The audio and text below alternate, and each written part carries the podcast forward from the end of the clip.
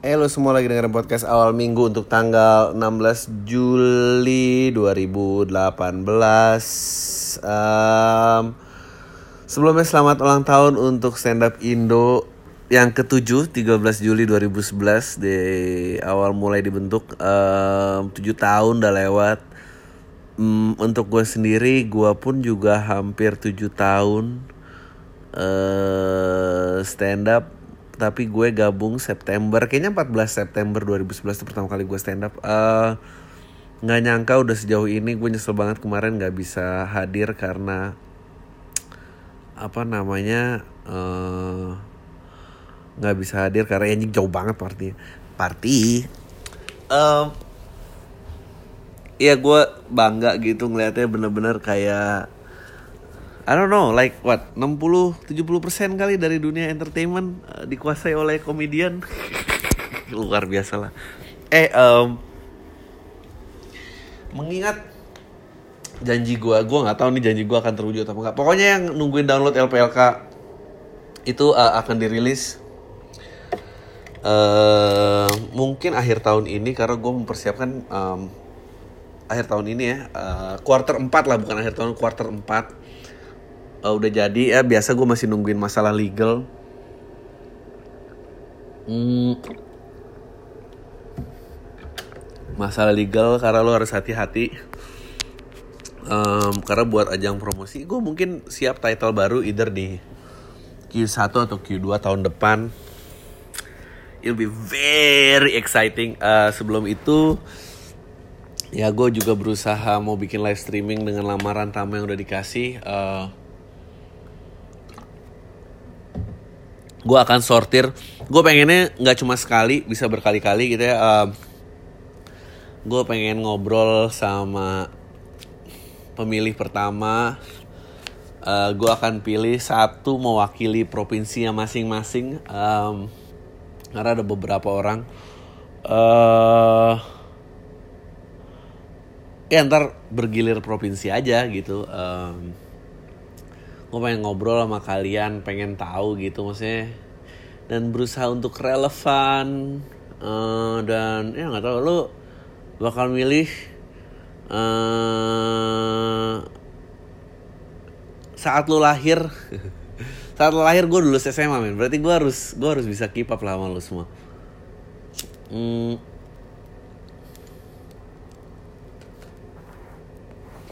gue hari ini baru aja menghabiskan kalau mau lo pada nonton. Eh anyone does anyone know ibu-ibu Yakult? Gue mau nyari dong kontaknya, mentionin gue, hubungin gue sama dia. I, you know, gue pengen ngundang dia jadi tamu, tapi nggak tahu caranya. Uh, ini gue baru nonton klip tentang hmm, apa namanya tentang um, tentang mata Najwa uh, mewawancarai Tommy Soeharto. Which is fucking scary though like uh, uh, um, um, gue suka uh, terus habis itu diskusi panel antara uh, gol salah satu anggota Golkar sekarang terus partai berkaryanya beliau dengan relawan beliau sama Antasari Azhar. Uh, gila sih. Oh, that guy is um, tapi he's a businessman. He's a politician. Uh, gua nggak tahu jenjangnya gimana di sana sih beliau tidak mengakui dia akan uh, menyalonkan diri, but um, terus menarik lah pokoknya kalau lo mau menurut gue lo harus tonton harus tonton dan lo akan lihat uh, politik is such a crazy game gitu pada saat ya di situ juga dijelasin uh, runutan perpecahan bukan perpecahan sih turunan dari partai Golkar Orde Baru tuh jadi apa aja gitu. Um, gue mau bilang kayak nasib bangsa ini dipikul oleh anak muda lalalala I, I actually I actually don't know negara ini dipikul oleh siapa. Um, um, gue boleh nggak menyuarakan skeptisme?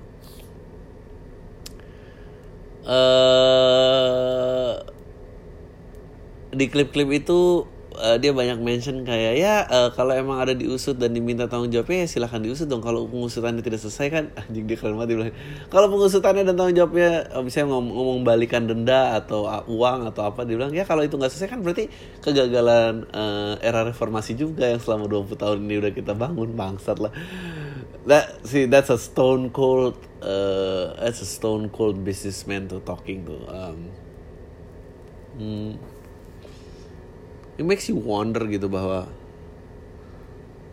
gue nggak tahu ya kayak dan gue juga suka gue suka sebetulnya uh, sama ketua umum si partainya beliau gitu um, bahwa dia dia ada di pemerintahan dia sempat jadi wakil DPR kalau nggak salah um, uh, terus dia ada di pemerintahan SBY juga dia ada di pemerintahan ini dia ada di Golkar lama dia pindah ke Golkar baru. Eh bukan ya Gol, uh, partai berkarya ya. Um, dan ada Antasari Azhar pembela HAM gitu dan um, dia banyak banget mengakuan pengaduan dan ditolak-tolak dan um, mereka aduh gue gak kebayang sih kayak gue gak kebayang rasanya hidup uh, jadi pejuang ham. Gue bukan yang meremehkan tapi lebih kayak anjing kapan bisa diterimanya? Kapan bisa um, apa namanya? Kapan bisa di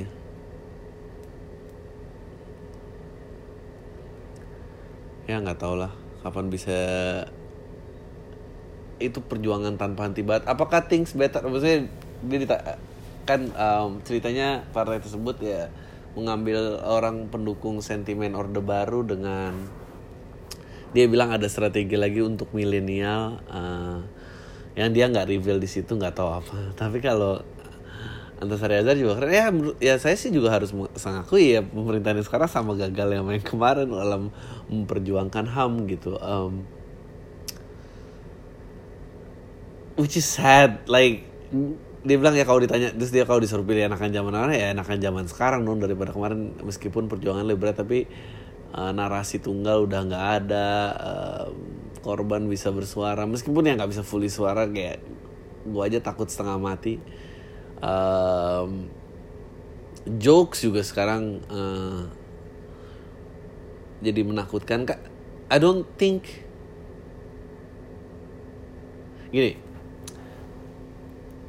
kalau memang beneran menyinggung dan ada pasalnya maksudnya uh, bisa dibuktikan gitu secara hukum masih nggak apa-apa deh. Tapi menurut gua uh, itu bukan lagi objektif. Objektifnya adalah to map out uh, siapa yang kira-kira di sini quote unquote uh, konservatif bisa konservatif itu bisa disandingkan dengan keinginan yang mau mengganti presiden. Konservatif di sini dalam artian um, lu lu uh, beragama kuat um, jika lo konservatif beragama kuat uh, lu most likely pengen ganti presiden. Which is yang gue yakin gak akan semua.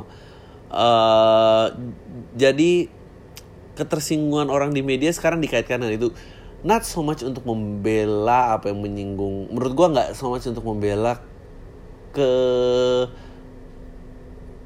ke apa ya uh, apa sih namanya ke ke ke, ke uh, membela status agama yang disinggung tersebut. Tapi lebih map out oke okay, gue tahu narasi gue jika gue dikeluarkan kayak gini gue tahu ada sekian banyak yang bersuara uh, dan gue tahu sekian banyak ada yang uh, berapa orang yang menggunakan hashtag yang ingin menggantikan presiden. Menurut gue itu. Karena karena kalau emang tersinggungannya tentang um, uh, untuk membela agama biar tidak disinggung which is uh, terlepas pendapat pribadi gue setuju apa tidak setuju dari situ um,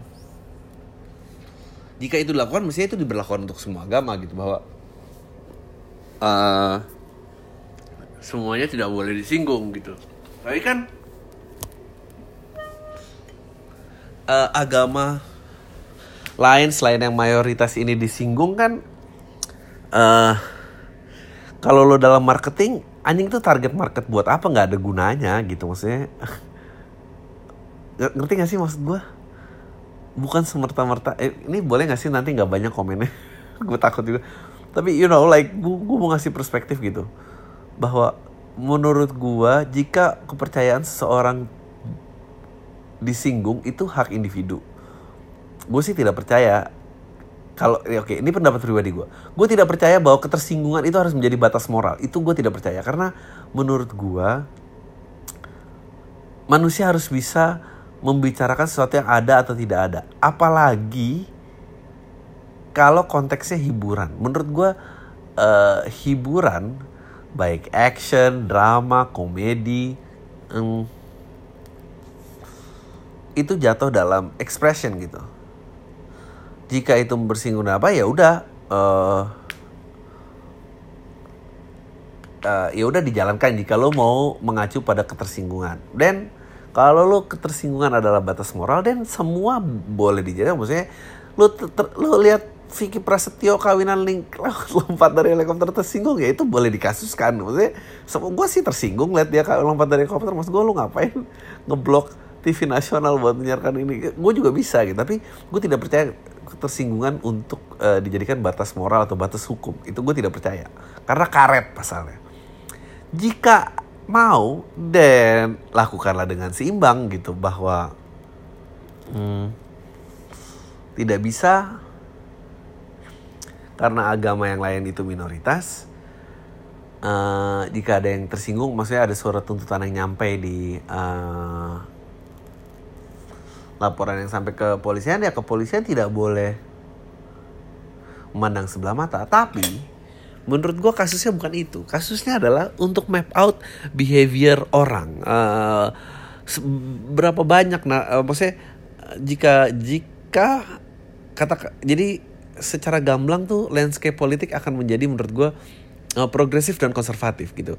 Uh, progresif adalah kubu Jokowi konservatif adalah yang menginginkan untuk menggantikan Jokowi. Um, nah pasti kalah kalau pakai progresif doang. Aja gue kalau jadi timnya Jokowi sih kita harus uh, progresif. Progresif dalam artian oh ya misalnya salah satu yang jatuh dalam progresif adalah uh, membuka ham uh, menyelesaikan kasus ham sorry. Menyelesaikan kasus ham atau uh, kita menjadi negara yang jauh lebih toleran dengan ide dengan mengakui banyak kedaulatan baik dari yang sifatnya kedaerahan maupun uh, personal belief. Kalau gue 100% strategi cuma market itu kalah kalah kalah kalah kalah kalah. Menurut gue uh, kita memang bangsa yang konservatif konservatif bukan bukan maksudnya dalam artian cuma ber, ber, beragama ya tapi maksud gue kita memang bangsa yang memegang eh, nilai-nilai uh, luhur kok. Uh, uh, beda banget. Gue gua kasih tahu bedanya di mana. Gini Amerika Amerika tuh negara yang konservatif. Negara di mana uh, orang putih dan Christian itu memang ya itulah budaya maksudnya uh, tatanan sosialnya mereka gitu. Itu yang disebut konservatif oleh mereka. Tapi Eropa Eropa memang tidak konservatif Eropa tidak memegang teguh pada kebudayaan atau agama. Meskipun uh, ya tradisi dan agama adalah misalnya kayak negara-negara seperti Italia gitu atau uh, Spanyol. Makanya uh, Spanyol itu juga rasismenya tinggi gitu. Ya, yang berat dari konservatifme adalah rasisme akan menjadi tinggi. Tapi misalnya Australia, Australia sangat tidak konservatif.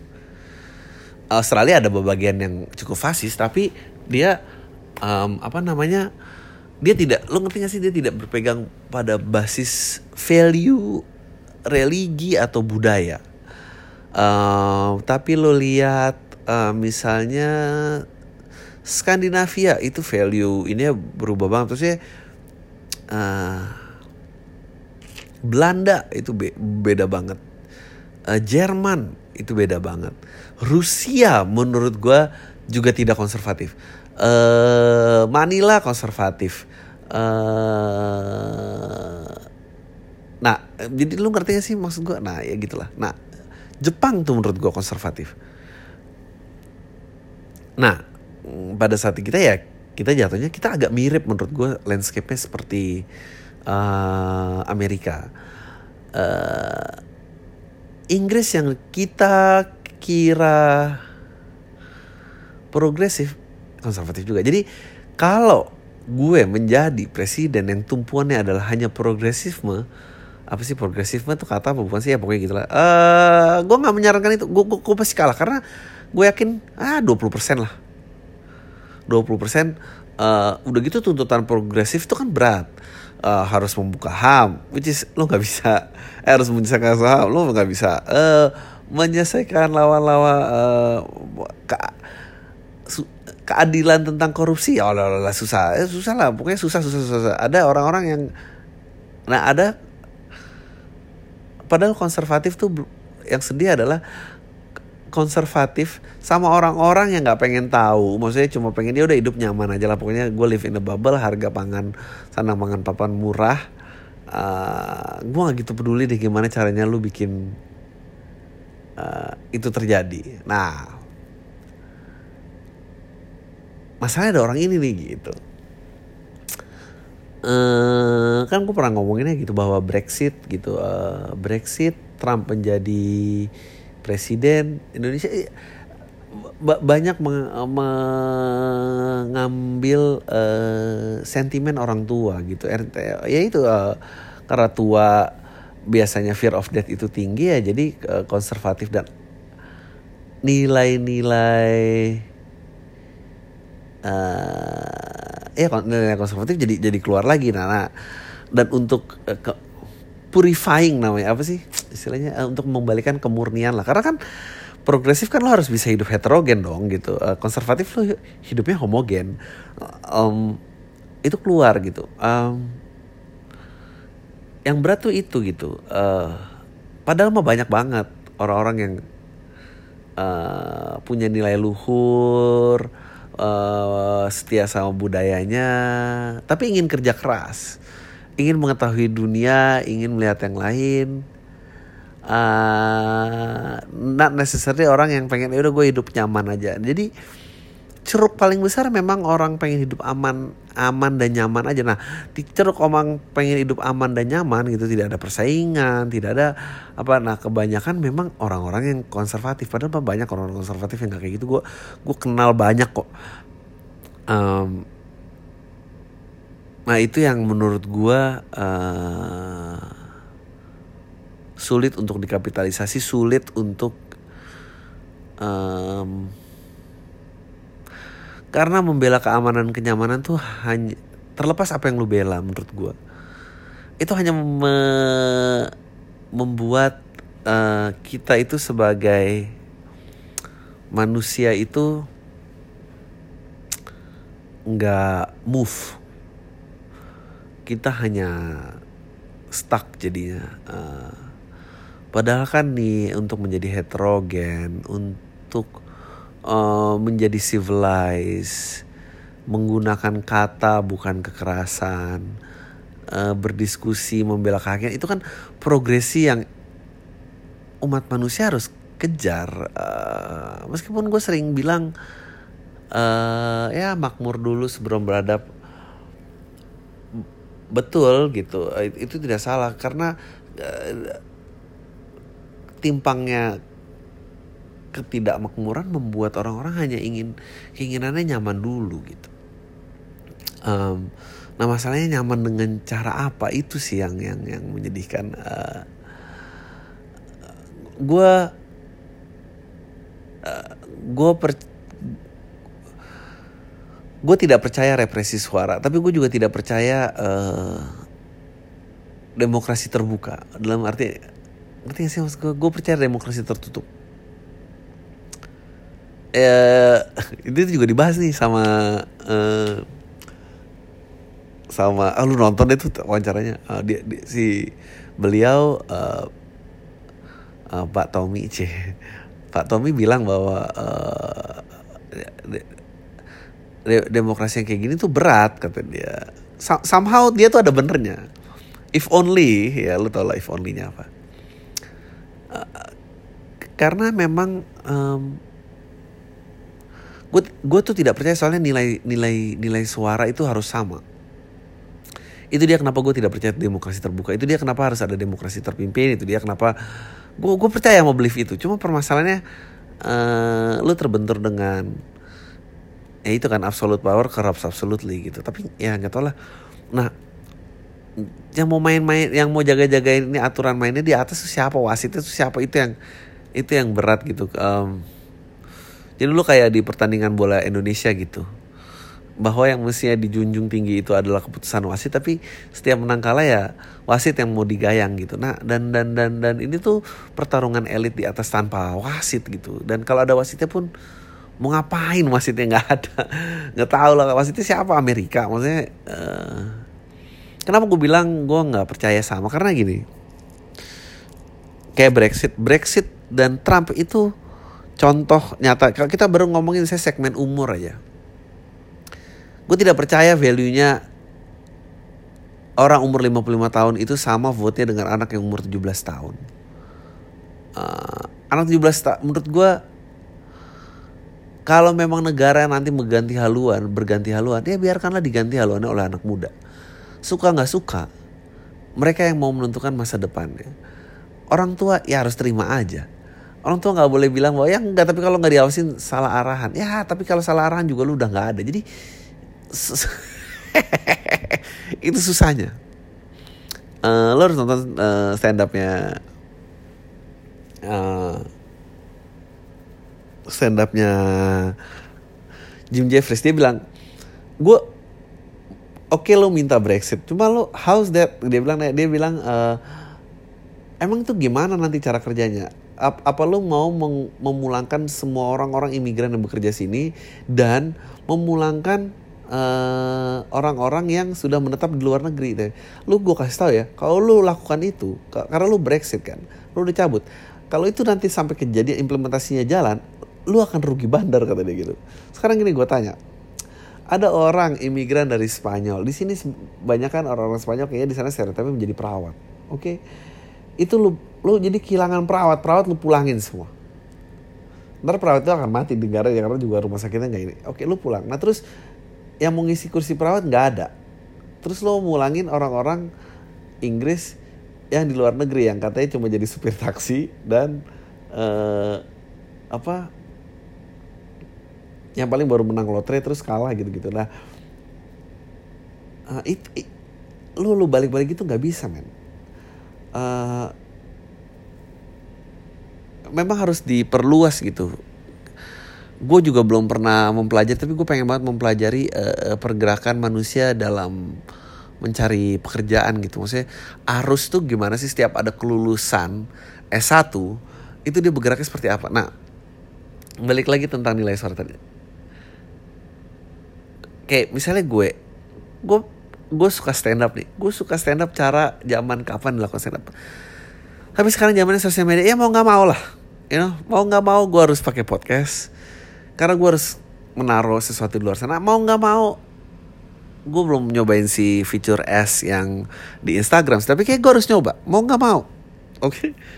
itu tanda bahwa memang anak muda yang run its course Terlepas lu suka apa enggak ya mereka harus bisa belajar dalam waktu cepat sebelum mereka melepaskan tongkat estafetnya ke generasi yang berikutnya lagi gitu. Uh, belum lagi concern tentang edukasi, di mana lo bisa mengenyam pendidikan, di mana lo uh, bisa bekerja. Jadi uh, kayak Indonesia ya, Indonesia cukup di posisi yang atas ya di Asia Tenggara gitu. Kita ada ada orang-orang yang um, bisa kerja jadi tenaga kerja Indonesia. Ada kita juga menerima tenaga kerja dari luar. Purifying to nilai konservatisme itu akan mematikan perputaran masyarakat itu. Lo akan mematikan perputaran heterogen itu. Oleh karena itu makanya nilainya nggak bisa sama nilai suaranya. Itu itu baru tua dan muda. Belum lagi masuk ke uh, edukasi. Uh, gue pernah ngomong kayak di stand up gue which is yang gak akan tayang uh, materinya karena udah gue buang. Uh, tapi kalau di podcast boleh. Lu standarnya mau pakai apa? Mau pakai uh, apa? Um, wajib pendidikan 9 tahun. Sekarang tuh masih ada gak sih wajib pendidikan 9 tahun? Atau wajib pendidikan 12 tahun? Whatever apa pun itulah apakah yang 17 tahun ke atas menyelesaikan uh, masa wajib pendidikannya. Kalau enggak gimana? Nah, uh, ya kayak gitu-gitu ya. Uh, dia bilang sih uh, ada satu lagi yang disebut sama anjing ini jangan-jangan gue lu kecewa gak sih kalau ternyata gue bayarannya Pak Tommy uh, yang menurut gue masih setuju dan udah nggak ada lagi adalah tidak ada lagi uh, repelita terlepas dari implementasi waktu itu hanya untuk membangun ibu kota dan pembangunan yang tidak merata. Tapi lo as a nation as a developing country menurut gue lo nggak bisa nggak punya rencana repelita terus apa yang mau dituju? Apa indikasi uh, apa indikasi sebuah kemajuan atas area atas area Azhar bagus banget tuh di omongin di Malaya Najwa itu. Ketidakmerataan uh, apa pembangunan nih kasus pak. Coba ke dia waktu itu lagi mengkritik bahwa si anak raja dari titah si anak raja ini yang ingin memimpin gitu. Dia nggak bisa memimpin karena dia cuma hidup dalam gelembungnya. Coba jalan-jalan ke Aceh dia bilang. Di Aceh itu banyak sungai tapi nggak ada jembatan. Di Jakarta tuh nggak ada sungai tapi ada jembatan semua. Aja lucu banget. Um, tapi lo ngerti lah maksudnya indikasi kemajuan tuh apa? Indikasi indeks uh, pembang uh, kemajuan tuh apa? Pembangunan sama uh, manusia tuh pola pikir seperti apa? Nah itu itu nggak ada susunannya men. Kita aimless aja gitu. Apakah itu sesuatu yang bisa dimanufacture bisa men. Itulah gunanya negara membangun negaranya. Jadi um, gue lupa nama bentuk pem, sistem pemerintahan mungkin sosiodemokratis mungkin sosiodemokratis. Jadi bukan terlepas ideologi lo atau yang, yang lagi digembar-gemborkan masalah konservatif dan liberal. Ideologi itu gak masalah men. Tapi rumah sakit harus dibangun, jembatan harus dibangun, jalan tol harus ada, pembangunan itu harus jalan. Uh, memang sangat sulit, makanya buat si Malkama ya, maksudnya gue gue gue pernah lihat Filipin, Filipin saking korupsi ya menjabat dua masa pemerintahannya nggak boleh, men Terus negara stabilnya kapan? Kalau lima tahun pembangunan yang sebelumnya semua salah ganti, mau ganti. Nah, oke. Okay. Apakah 10 tahun cukup? Apa mungkin sebetulnya negara? Gue juga nggak ngerti siapa yang menentukan itu sih. Kita ngikutin sistem Amerika. Sistem Amerika adalah empat kali dua, empat maksimum dua kali menjabat. Uh, dan itu dia tapi udah berapa ratus tahun demokrasi men. Uh, lu lihat pergerakan pajaknya dulu pajak orang kaya tuh berapa? Sampai pembangunan infrastruktur negara tuh dianggap selesai. Dari mulai uh, rel kereta sampai jalan tol men. Dari ujung kiri ke ujung kanan. Meskipun pembangunan juga tidak merata. Abis itu beban orang kaya dikurangi apa ini baru demokrasi berubah bla bla. Gue lupa dia mulai tahun berapa baru bisa dua kali menjabat. Nah kita tuh gimana gitu setelah reformasi hanya SBY loh presiden yang bisa dua kali menjabat tanpa gonjang ganjing gue gak tahu nih yang depan tuh gue deg-degan setengah mati tau gak gue gak kebayang kalau ternyata semua bangun ah di Manila korupsi saking tingginya. Ibu kota nggak punya gubernur men. Ibu kota cuma punya wali kota. Jadi di Jakarta Selatan bangun jalan nggak nyambung sama Jakarta Timur bodoh amat gitu. It's fucking insane menurut gue dan kita juga sama. Kenapa bandara uh, kayak Singapura? Ya Singapura kecil lah ini contoh yang jelek. Tapi Singapura bisa melihat dirinya sekarang itu sudah dilihat sudah direncanakan dari 60 tahun yang lalu. Dan mereka stick dengan 60 tahun yang lalu. Terlepas siapa pun yang menjabat. Lo bicara membangun infrastruktur ya. Ah kalau kita tuh aduh. Gue nggak tahu gimana. Apakah 10 tahun cukup? Paling 15 tahun? Nah repelita kayak repelita itu nggak bisa dicanangkan lagi karena pembangunannya karena masa pemerintahannya udah nggak ada. Dulu bisa dibikin tapi uh, terus-terusan menjabat secara maksimum tidak ada gue juga nggak sepakat gitu. Maksudnya kayak wow kalau sampai 32 setengah tahun lagi sih buset itu berapa kali tujuh kali masa pemerintahan? Wow. Uh, gue nggak berani sih. Tapi mungkin dua juga terlalu cepat tapi gue nggak ngerti siapa sih yang kontrol-kontrol gini kan well ya ini udah setengah jam mungkin itu buat pikiran aja buat lo semua um, yang jelas that's the, the thoughts of yang banyak banget yang gue di kepala gue please tonton uh, itu dan lo akan lihat gitu uh, gue sih orangnya nggak mau telan mentah-mentah jadi gue ada poin yang bagus ya gue terima ada poin yang ini Uh, nah belum lagi kita masuk ke daerah-daerah ham. Ham itu ribet men. Lo harus bisa lihat. Belanda melakukan pengadilan uh, atas penjajahan yang dia lakukan. Jerman melakukan pengadilan atas uh, gerakan fasis yang tapi Jepang enggak. Tapi Jepang juga bisa move on dan menjadi negara maju. Nah kita tuh kiri kagak kanan kagak men. Mau pakai mana deh? Bawah. Oke, malam hari please jangan sebut nama gue. Gue uh, mau cerita aja gue punya teman nyebelin banget sebutnya si X. Uh, dia temen gue di kantor kebetulan kita satu SMA. Uh, lalu sekantor dan dia tuh nunjukin skala sisi uh, agamisnya. Terus dia suka banget broadcast info hoax yang dikaitkan dengan agama. Dia juga hobi broadcast ngata-ngatain pemerintah di grup WhatsApp. Pokoknya dia selalu nunjuk bahwa itu dosa, itu dosa. Dukunglah, dadadadadada dan lu nggak tahu paling alim dan udah info hoax mulu gue sama beberapa teman gue sebel banget sama kelakuan dia yang toksik kayak gitu pengen rasanya ganti temen tapi suatu ketika kita lagi nongkrong bareng ada dia dan dia pengen cabut bentar dari tongkrongan gue lupa mau ke mana. Pokoknya HP ketinggalan tongkrongan dan saat itu gue uh, sendirian ke tongkrongan itu. Uh, eh, gue balikin HP-nya kan tapi karena HP-nya nggak di lock gue buka aja lihat galeri gue mau lihat info apa lagi yang mau dia sebar. Eh ternyata di galeri ada HP banyak foto yang setengah nude dari si ceweknya. Wow. Nggak nude sih tapi ada nggak apa adalah yang pakai bra doang. Gue penasaran kan gue iseng gue buka WhatsApp di dan cewek ini isinya sex talk semua. Dari gue yang baca sama cewek dia sering banget ML kalau lagi ketemu tapi lucu di sela-sela chattingannya mereka masih ngomongin agama terus kritik-kritik pemerintah. Terus dihubungkan dengan agama-agama ironi banget ngomongin agama nasihatin agama tapi masih demen ngewek sama pacar. Pertanyaan gue adalah salah gak sih kalau gue foto ceweknya di foto di kamera gue gue lakuin itu karena si ceweknya emang cantik dan seksi gue foto lalu gue pakai buat aduh jerk off. Abis jerk off gue ngerasa bersalah. Langsung gue hapus foto cewek di hp gue salah gak sih? Gue bang kayak gitu. Abis gue sebel sama dia. Ya lu salah. Ya lu salah. Dan lu tau nggak? Temen lu nggak salah. Temen lu munafik tapi temen lu nggak salah. Kalau lu lu salah. Secara hukum aja lu salah. Uh, kemarin gue baru lihat tuh di hukum online. Ternyata uh, uh, screen capture itu jika pokoknya itu kan masuknya dalam penyadapan atau apa gitu kalau lu tidak menerima surat titah dari negara, lu nggak berhak membuka ruang pribadi orang. Makanya kalau nggak salah tanpa surat geledah, mobil tuh termasuk ruang pribadi lo. Kecuali pajak lo habis. Itu, itu bukan ruang pribadi lo. Kalau nggak salah ya. Jadi kalau ada razia itu sebetulnya boleh lo tolak. Kalau ada surat geledah apa? Kalau nggak ada, ya lu nggak berhak periksa ini.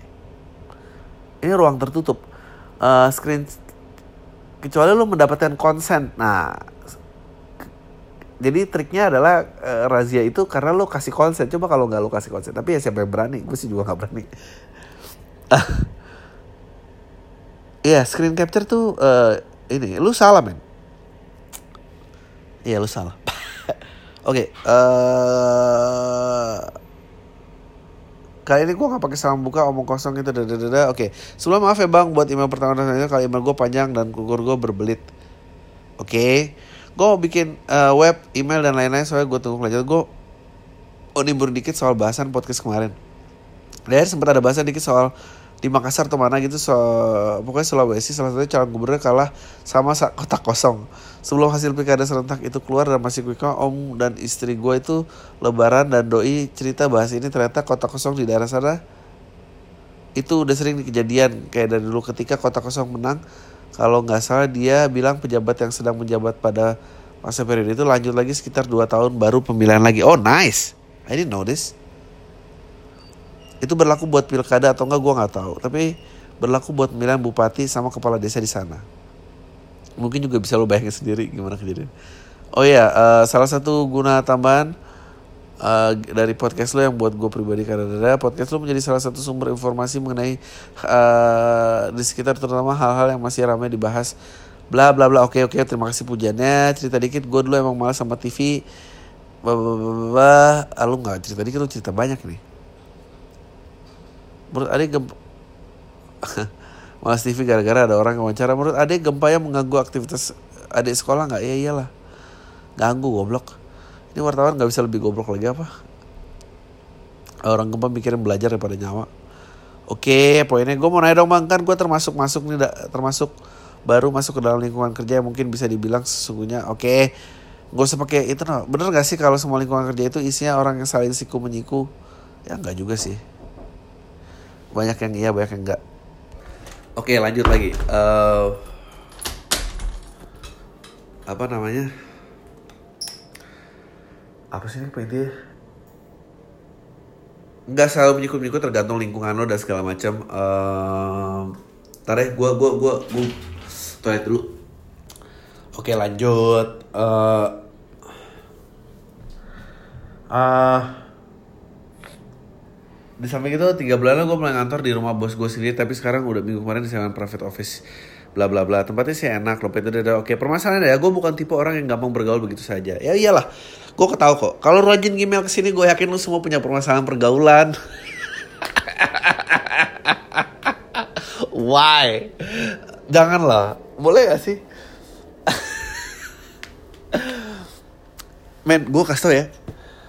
Gue kalau gue kalau kan hidup gue gue lu tau kan gue jarang update sosial sosial media.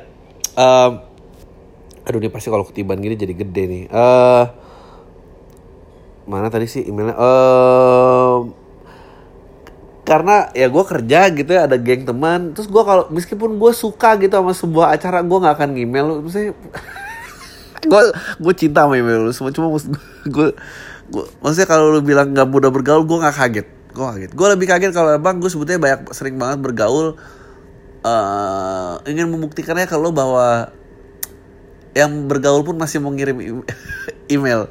Uh, karena ya rata-rata seminggu gue dapat 15 email yang dengerin 8000 itu kan 7985 orang nggak you know nggak mau email abisnya kan email. Anyway uh, lu nggak bisa ini uh, mana sih tadi? Ya Allah ya Tuhan. Ini yang apa? HP orang oke. Okay gue nggak bisa remote oke okay, uh, eh, mana sih?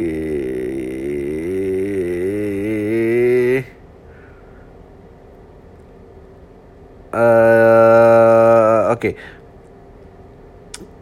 Intinya adalah private office kalau SCBD dadadadada, tempatnya enak tapi dompet gue beng bengek karena gue sendiri masih standby di sana. Masalahnya gue bukan tipe orang yang gampang bergaul. Belakang ini karena gue bahas di lain waktu aja kalau lo nggak aduh oke. Okay gue cerita ke teman kantor gue yang secara nggak la langsung ke atasan gue dan di sana gue kayak anak hilang. Terus dia bilang waktu gue ke sana gue lihat cewek cakep-cakep lo aja kenalan aja. Gue balas uh, boro-boro ngajak kenalan. Sebelum dipindahin kemarin aja gue baru bisa ngobrol sama teman kantor seruangan sekitar 2-3 bulan uh, lagi satu kantor. Nah pertanyaan gue adalah apakah sulit dipercaya buat seseorang yang berumur 22 tahun baru dua kali pacaran untuk gak bisa PDKT ke cewek? Uh, enggak sih. Uh, most of your generation gak bisa. Gak bisa ini uh, mungkin juga karena tahu dulu nggak ada teknologi lu mau nggak mau ya harus kenalan. Lu mau nggak mau harus baca terima minta nomor hand rumah. Lu harus minta nomor handphone.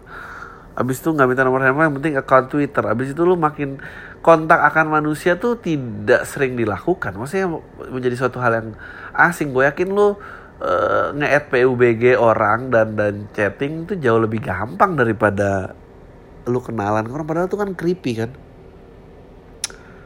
Uh, jadi jawabannya nggak sulit dipercaya. Oke okay, uh, Uh, setelah gue email pertama, gue mau email lagi ternyata mungkin sensasi orang yang jalan zaman radio masih nomor satu di pesan atau ngirim pesan uh, sehingga gue nge-email lo dia respon di message lo karena nggak so ngartis ngartis apa sih nih Oh iya bang, gue mau nanya ke depannya kira-kira lu email ini menurut lu panjang sampai lu dadadadadada.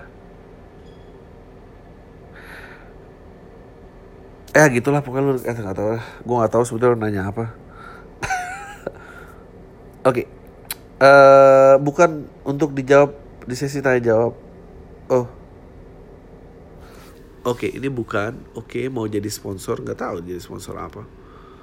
Film Judgment at Nuremberg film ngomongin sin, uh, List The Pianist etc. Bang lu udah nonton Judgment at Nuremberg belum? Menurut ini soal Ernest Jennings gue sih sampai kepikiran sama disajiin sama film itu. Apa cuma Hitler doang sang memegang tumpuk kekuasaan saat itu?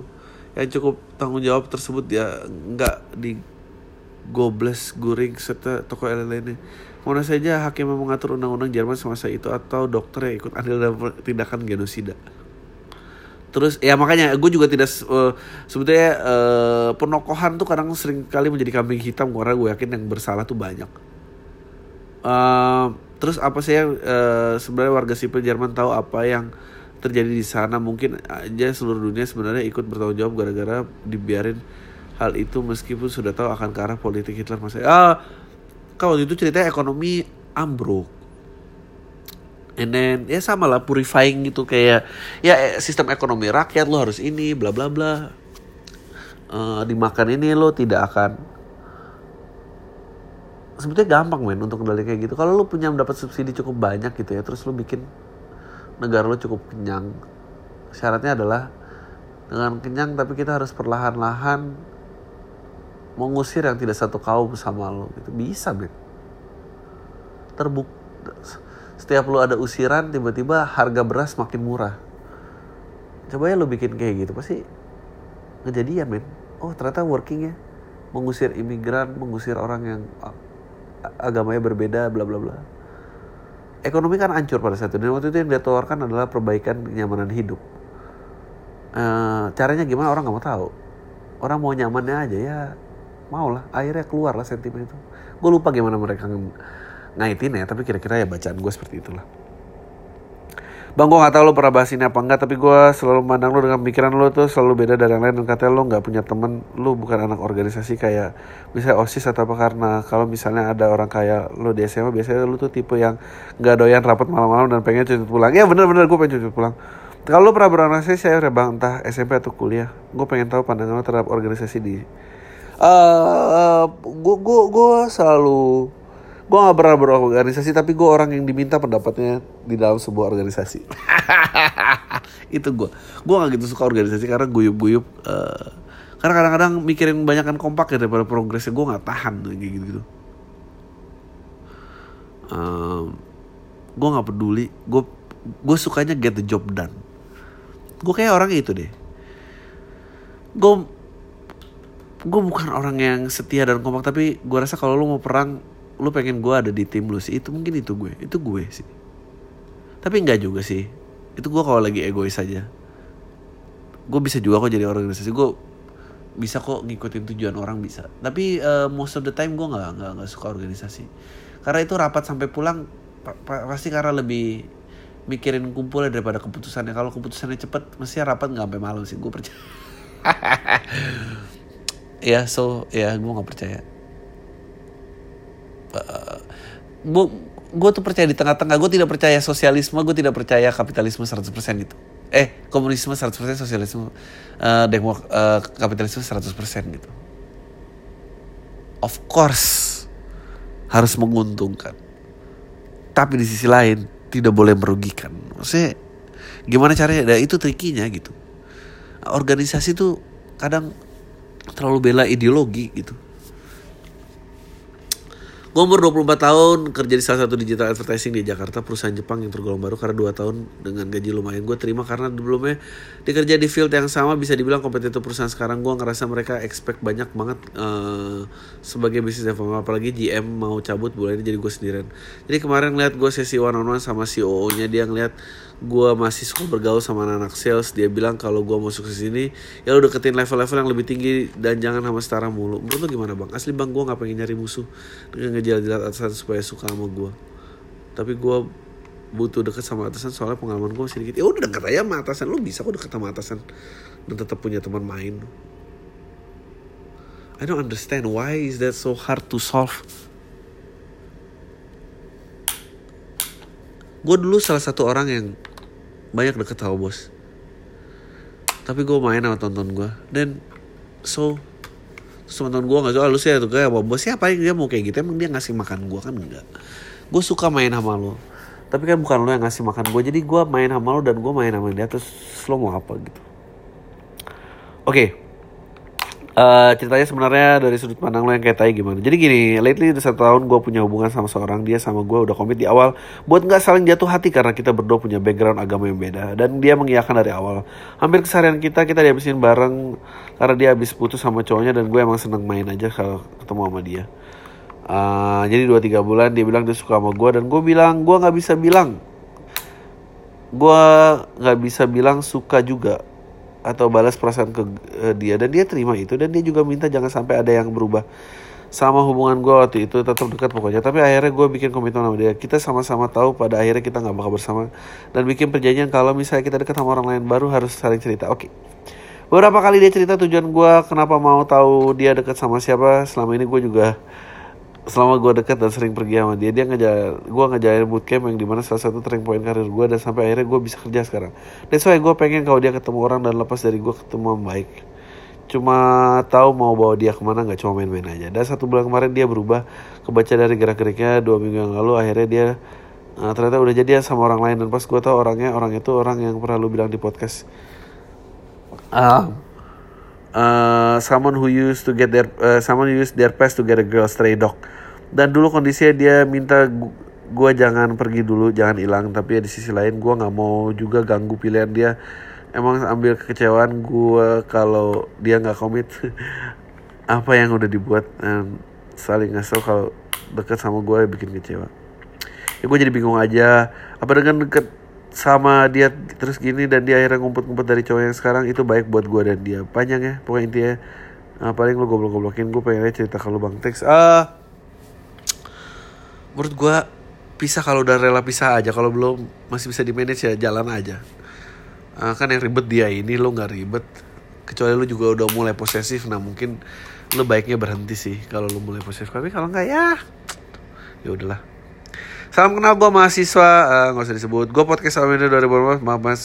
Sejauh ini gue enjoy dengerin Mau ngucapin terima kasih banyak Karena insight ba baru di sini. Nah podcast 9 Juli kemarin Ada yang menonton Designated Survivor Yang nanya apa yang terjadi uh, Hal yang sama kalau dalam serial tersebut Terjadi di Indonesia. Merujuk pasal 8 UUD 1945 ayat 3 Di situ disebut jika presiden atau Dan wakil presiden mangkat berhenti diberhentikan atau tidak uh, melakukan kewajibannya pada masa jabatan secara bersamaan pelaksanaan tugas kepresidenan adalah Menteri Luar Negeri, Menteri Dalam Negeri, Menteri Pertahanan secara bersama-sama selambat-lambatnya 30 hari setelah itu Majelis Musyawarah menjalankan sidang untuk memilih semoga bisa membantu. Oh, Oke. Okay. Terus bang. Sama untuk keluarga dan pendengar lainnya di luar sana. Uh, Oke. Okay. Gue mau tanya dong, kira-kira orang tuh menemukan dirinya pada usia berapa ya? Ada nggak batasan umur maksimal? Saya saya masih belum 20 tahun dan uh, takut aja kalau belum bisa nemuin diri secepat mungkin. Gitu ya bang. Oh enggak lah. Banyak men. 34 balik haluan aja banyak. Uh, idealnya sih menurut gue 16 17 lu udah mulai kayak bayangan. Lu tahu sih lu orang kayak apa. Tapi semua itu proses sih. Tapi kedewasaan untuk untuk tahu diri lu untuk tahu diri lo siapa menurut gue itu proses tapi untuk yakin lo bisa mandiri dan tidak harus mengambil opini orang lain atau pola pikir menurut gue lo bisa lakukan secepat lo 16 atau 17 tahun Bang, kaos pam lo, lo pikir lo keren masih dijual nggak? Kalau iya belinya di mana bang? Kalau nggak produksi lagi dong, thanks. Uh, minta aja ke Shotcap. Salam Uh, pertanyaan gue kalau lo menang Oscar sebagai aktor terbaik speech lo dalam podium uh, bakal kayak gimana? Uh, peace, love, and gaul. Eh, uh, uh, gue akan speech bilang apa ya? Terima kasih untuk kepercayaannya sampai saya menerima uh, penghargaan ini. Um, sejujurnya saya merasa dari nominasi-nominasi sebelumnya yang saya pernah dinominasikan tapi tidak menang seharusnya saya juga menang. Saya nggak tahu kenapa baru sekarang. Saya nggak ngerti juga kenapa baru sekarang saya keterima Oscar. Maksudnya kalau lu ikutin awal karir gue gue stand up gue sih brilian banget sih. Uh, mungkin gitu kali nggak tahu gue. I don't know man. Bang gue barusan banget ditodong pistol di Soekarno Hatta pukul dua satu uh, dan mental gue rusak banget sekarang. Gue takut banget mesti keluar rumah shock banget stres banget. Apa mesti yang gue lakukan sekarang? By the way uh, alhamdulillah gue selamat. Uh, coba konseling ke psikolog gitu gue nggak bisa menjawab men. Uh, mungkin itu harus ada bagian trauma yang dihilangkan. Gue nggak ngerti metodenya gimana tapi di sini bukan jawabannya. Uh, good luck. Semoga traumanya cepat hilang men. Halo bang, gue suka banget sama Love for Sale. Gue bahkan nonton tiga kali pas tayang. Nah, uh, di bioskop udah nggak ada, ada alternatif lain nggak buat gue nonton Love for Sale lagi? Soalnya streamingnya juga nggak ada. Makasih bang. Uh, streaming kayaknya akan ada di, I forgot. Huh. Kalau nggak Hook, iFlix kayaknya. Tapi nggak tahu kapan. Oke, okay. Uh, bang, gue minta saran nih, uh, bang, gue baru-baru ikut komunitas stand up dan waktu open mic pertama gue pecah tapi ada satu beat yang bahas bokep terus open mic kedua gue ngebom.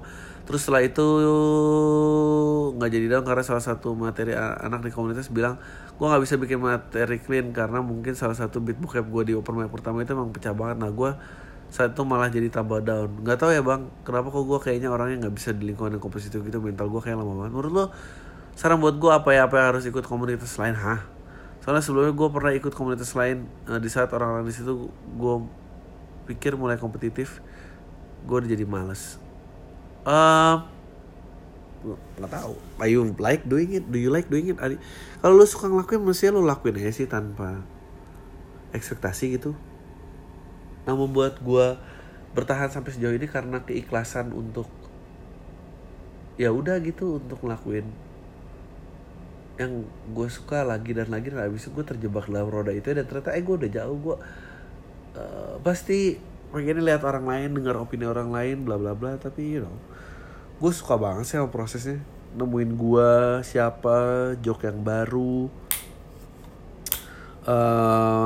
hal-hal um, kayak ya, dan tapi kalau fokusnya kritik orang opini orang uh, karir orang itu berat sih mungkin itu juga berguna buat hidup Kenalin saya uh, 32 tahun, istri satu, anak satu. Uh, jadi saya meneruskan usaha keluarga yaitu kontraktor landscape.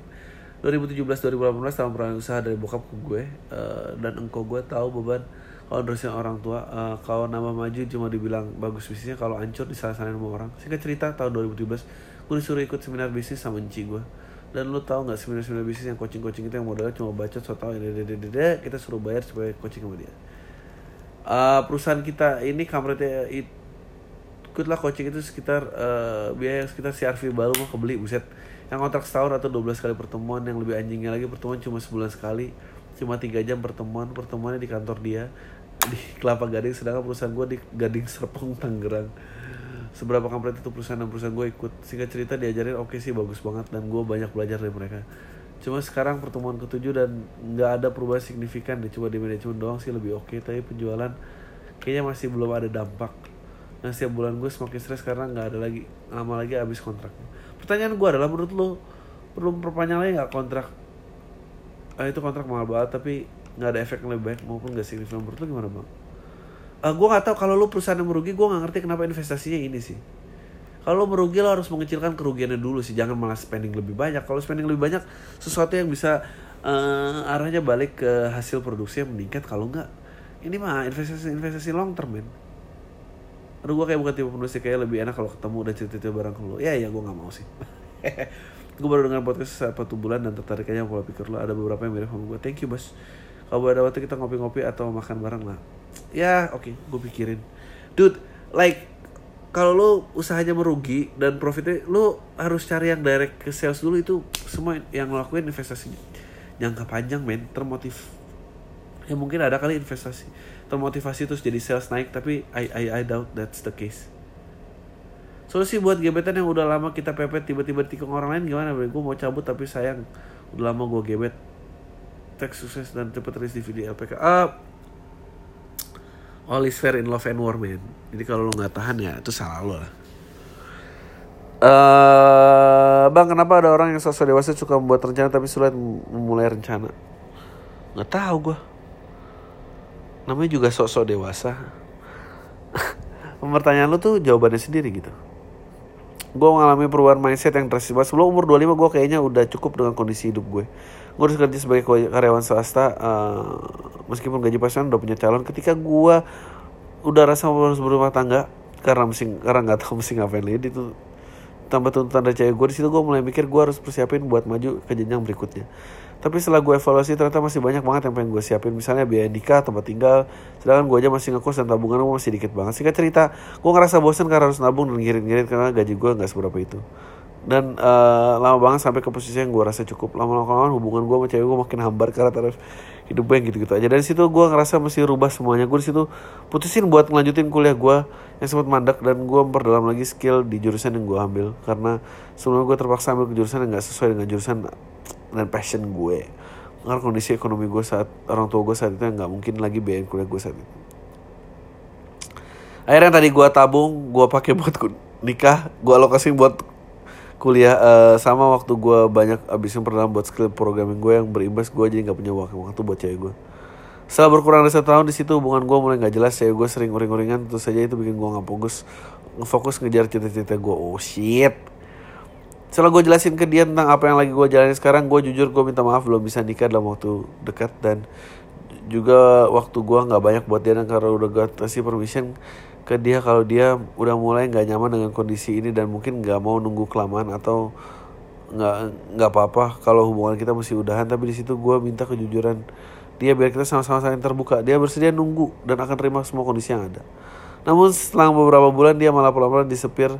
Kayak misalnya dia selalu nggak bisa pas gue ajak ketemu ketika gue senggang dan uh, yang parah dia unfollow sosmed gue pas gue tanya jawabannya nggak ada apa-apa sampai gue males bahas karena takut ngebebanin dan bikin gak fokus gak pernah gue ambil pusing yang gue sayangkan kenapa dia gak bisa jujur dan terbuka sama gue ya karena dia selingkuh gimana cara jujur selingkuh men Nah, akhirnya uh, kita udah gak kontak-kontakan selama dua bulan ini. Menurut lo sebagai cowok gue harus mengentingin cita-cita atau hubungan atau relationship? Well, menurut gue sebagai individu lo harus mementingkan apa yang mau lo perjuangin. Kalau memang ternyata cita-cita lo lebih penting daripada relationship lo ya boleh aja itu sah-sah aja. 25 lu muda men. Nah apakah gue berusaha hubungi dia sampai dia mau ketemu dan bahas hubungan gue sama dia tetap fokus sama yang gue lagi perjuangin? Uh, jawab di podcast ya menurut gue lu udah punya jawabannya dan kesalahan lo karena selalu pengen ajak diskusi. Menurut gue lu mestinya juga kasih jawaban lo apa. Mungkin dia nggak sanggup ngasih jawaban. Tapi juga lo harus terima kalau ternyata dia tuh selingkuh. Feeling gue dia selingkuh. Tapi nggak sanggup jujur karena lu juga salah dan lo harus akui lo salah paling gak lo akuilah bahwa eh pengen cita-cita gue cita-cita gue lebih penting ternyata daripada lo dan gue minta maaf. Itu selingkuh lo selingkuh sama cita-cita lo. Tapi kan pasti lo nggak mau kan? Lo kan maunya juga nggak mau tanggung jawab. Ya nggak kamu ngerti apa ini tuh ini tuh ini, ini kan aku ini ini aku nggak ada siapa-siapa Bang saya baru masuk kuliah jurusan teknik informasi kan entah kenapa saya nggak percaya diri ambil jurusan ini. Saya bertanya-tanya pada diri sendiri apakah saya bisa bekerja sebelum lulus kuliah? Ya bisa lah. Coba aja lamar. Yang sesuai dengan minat atau tidak sangat minat bisa bisa bisa. Uh, bang lo nanya fitur nanya di Instagram penting nggak banget buat katanya sampai ada yang ribut cara kaki gimana? Gue sih malah bingung mau minta orang itu nanya tentang gue gue nggak nggak sepenting itu mau nanya tentang kehidupan orang lain juga gue nggak peduli amat ada yang bersedia orang yang kalah judi World Cup dong gara-gara prediksi gurita an Ancol bang. eh bener ada gurita Ancol, wow. Kita gurita yang bisa prediksi tim bola gitu. Thank you banget. Men lo pegang Inggris aja men Gurita pegang ini men Gue tahu sih gue tahu Kroasia di atas Inggris gue tahu Tapi Gurita bilang Inggris men Gue bisa impersonate sebelum dia judi Tapi gak tahu deh kalau habis judi Bangsat tuh Gurita tele ayam duit susu anak gua hilang sekarang gua ngaku apa bini gua. Ya ampun. Kalau bisa naik motor sih gua jadi ojol aja. Tai udah itu aja. Um, thank you banget. Tai lo semua. Deh. Wow 59 menit. Lumayan lah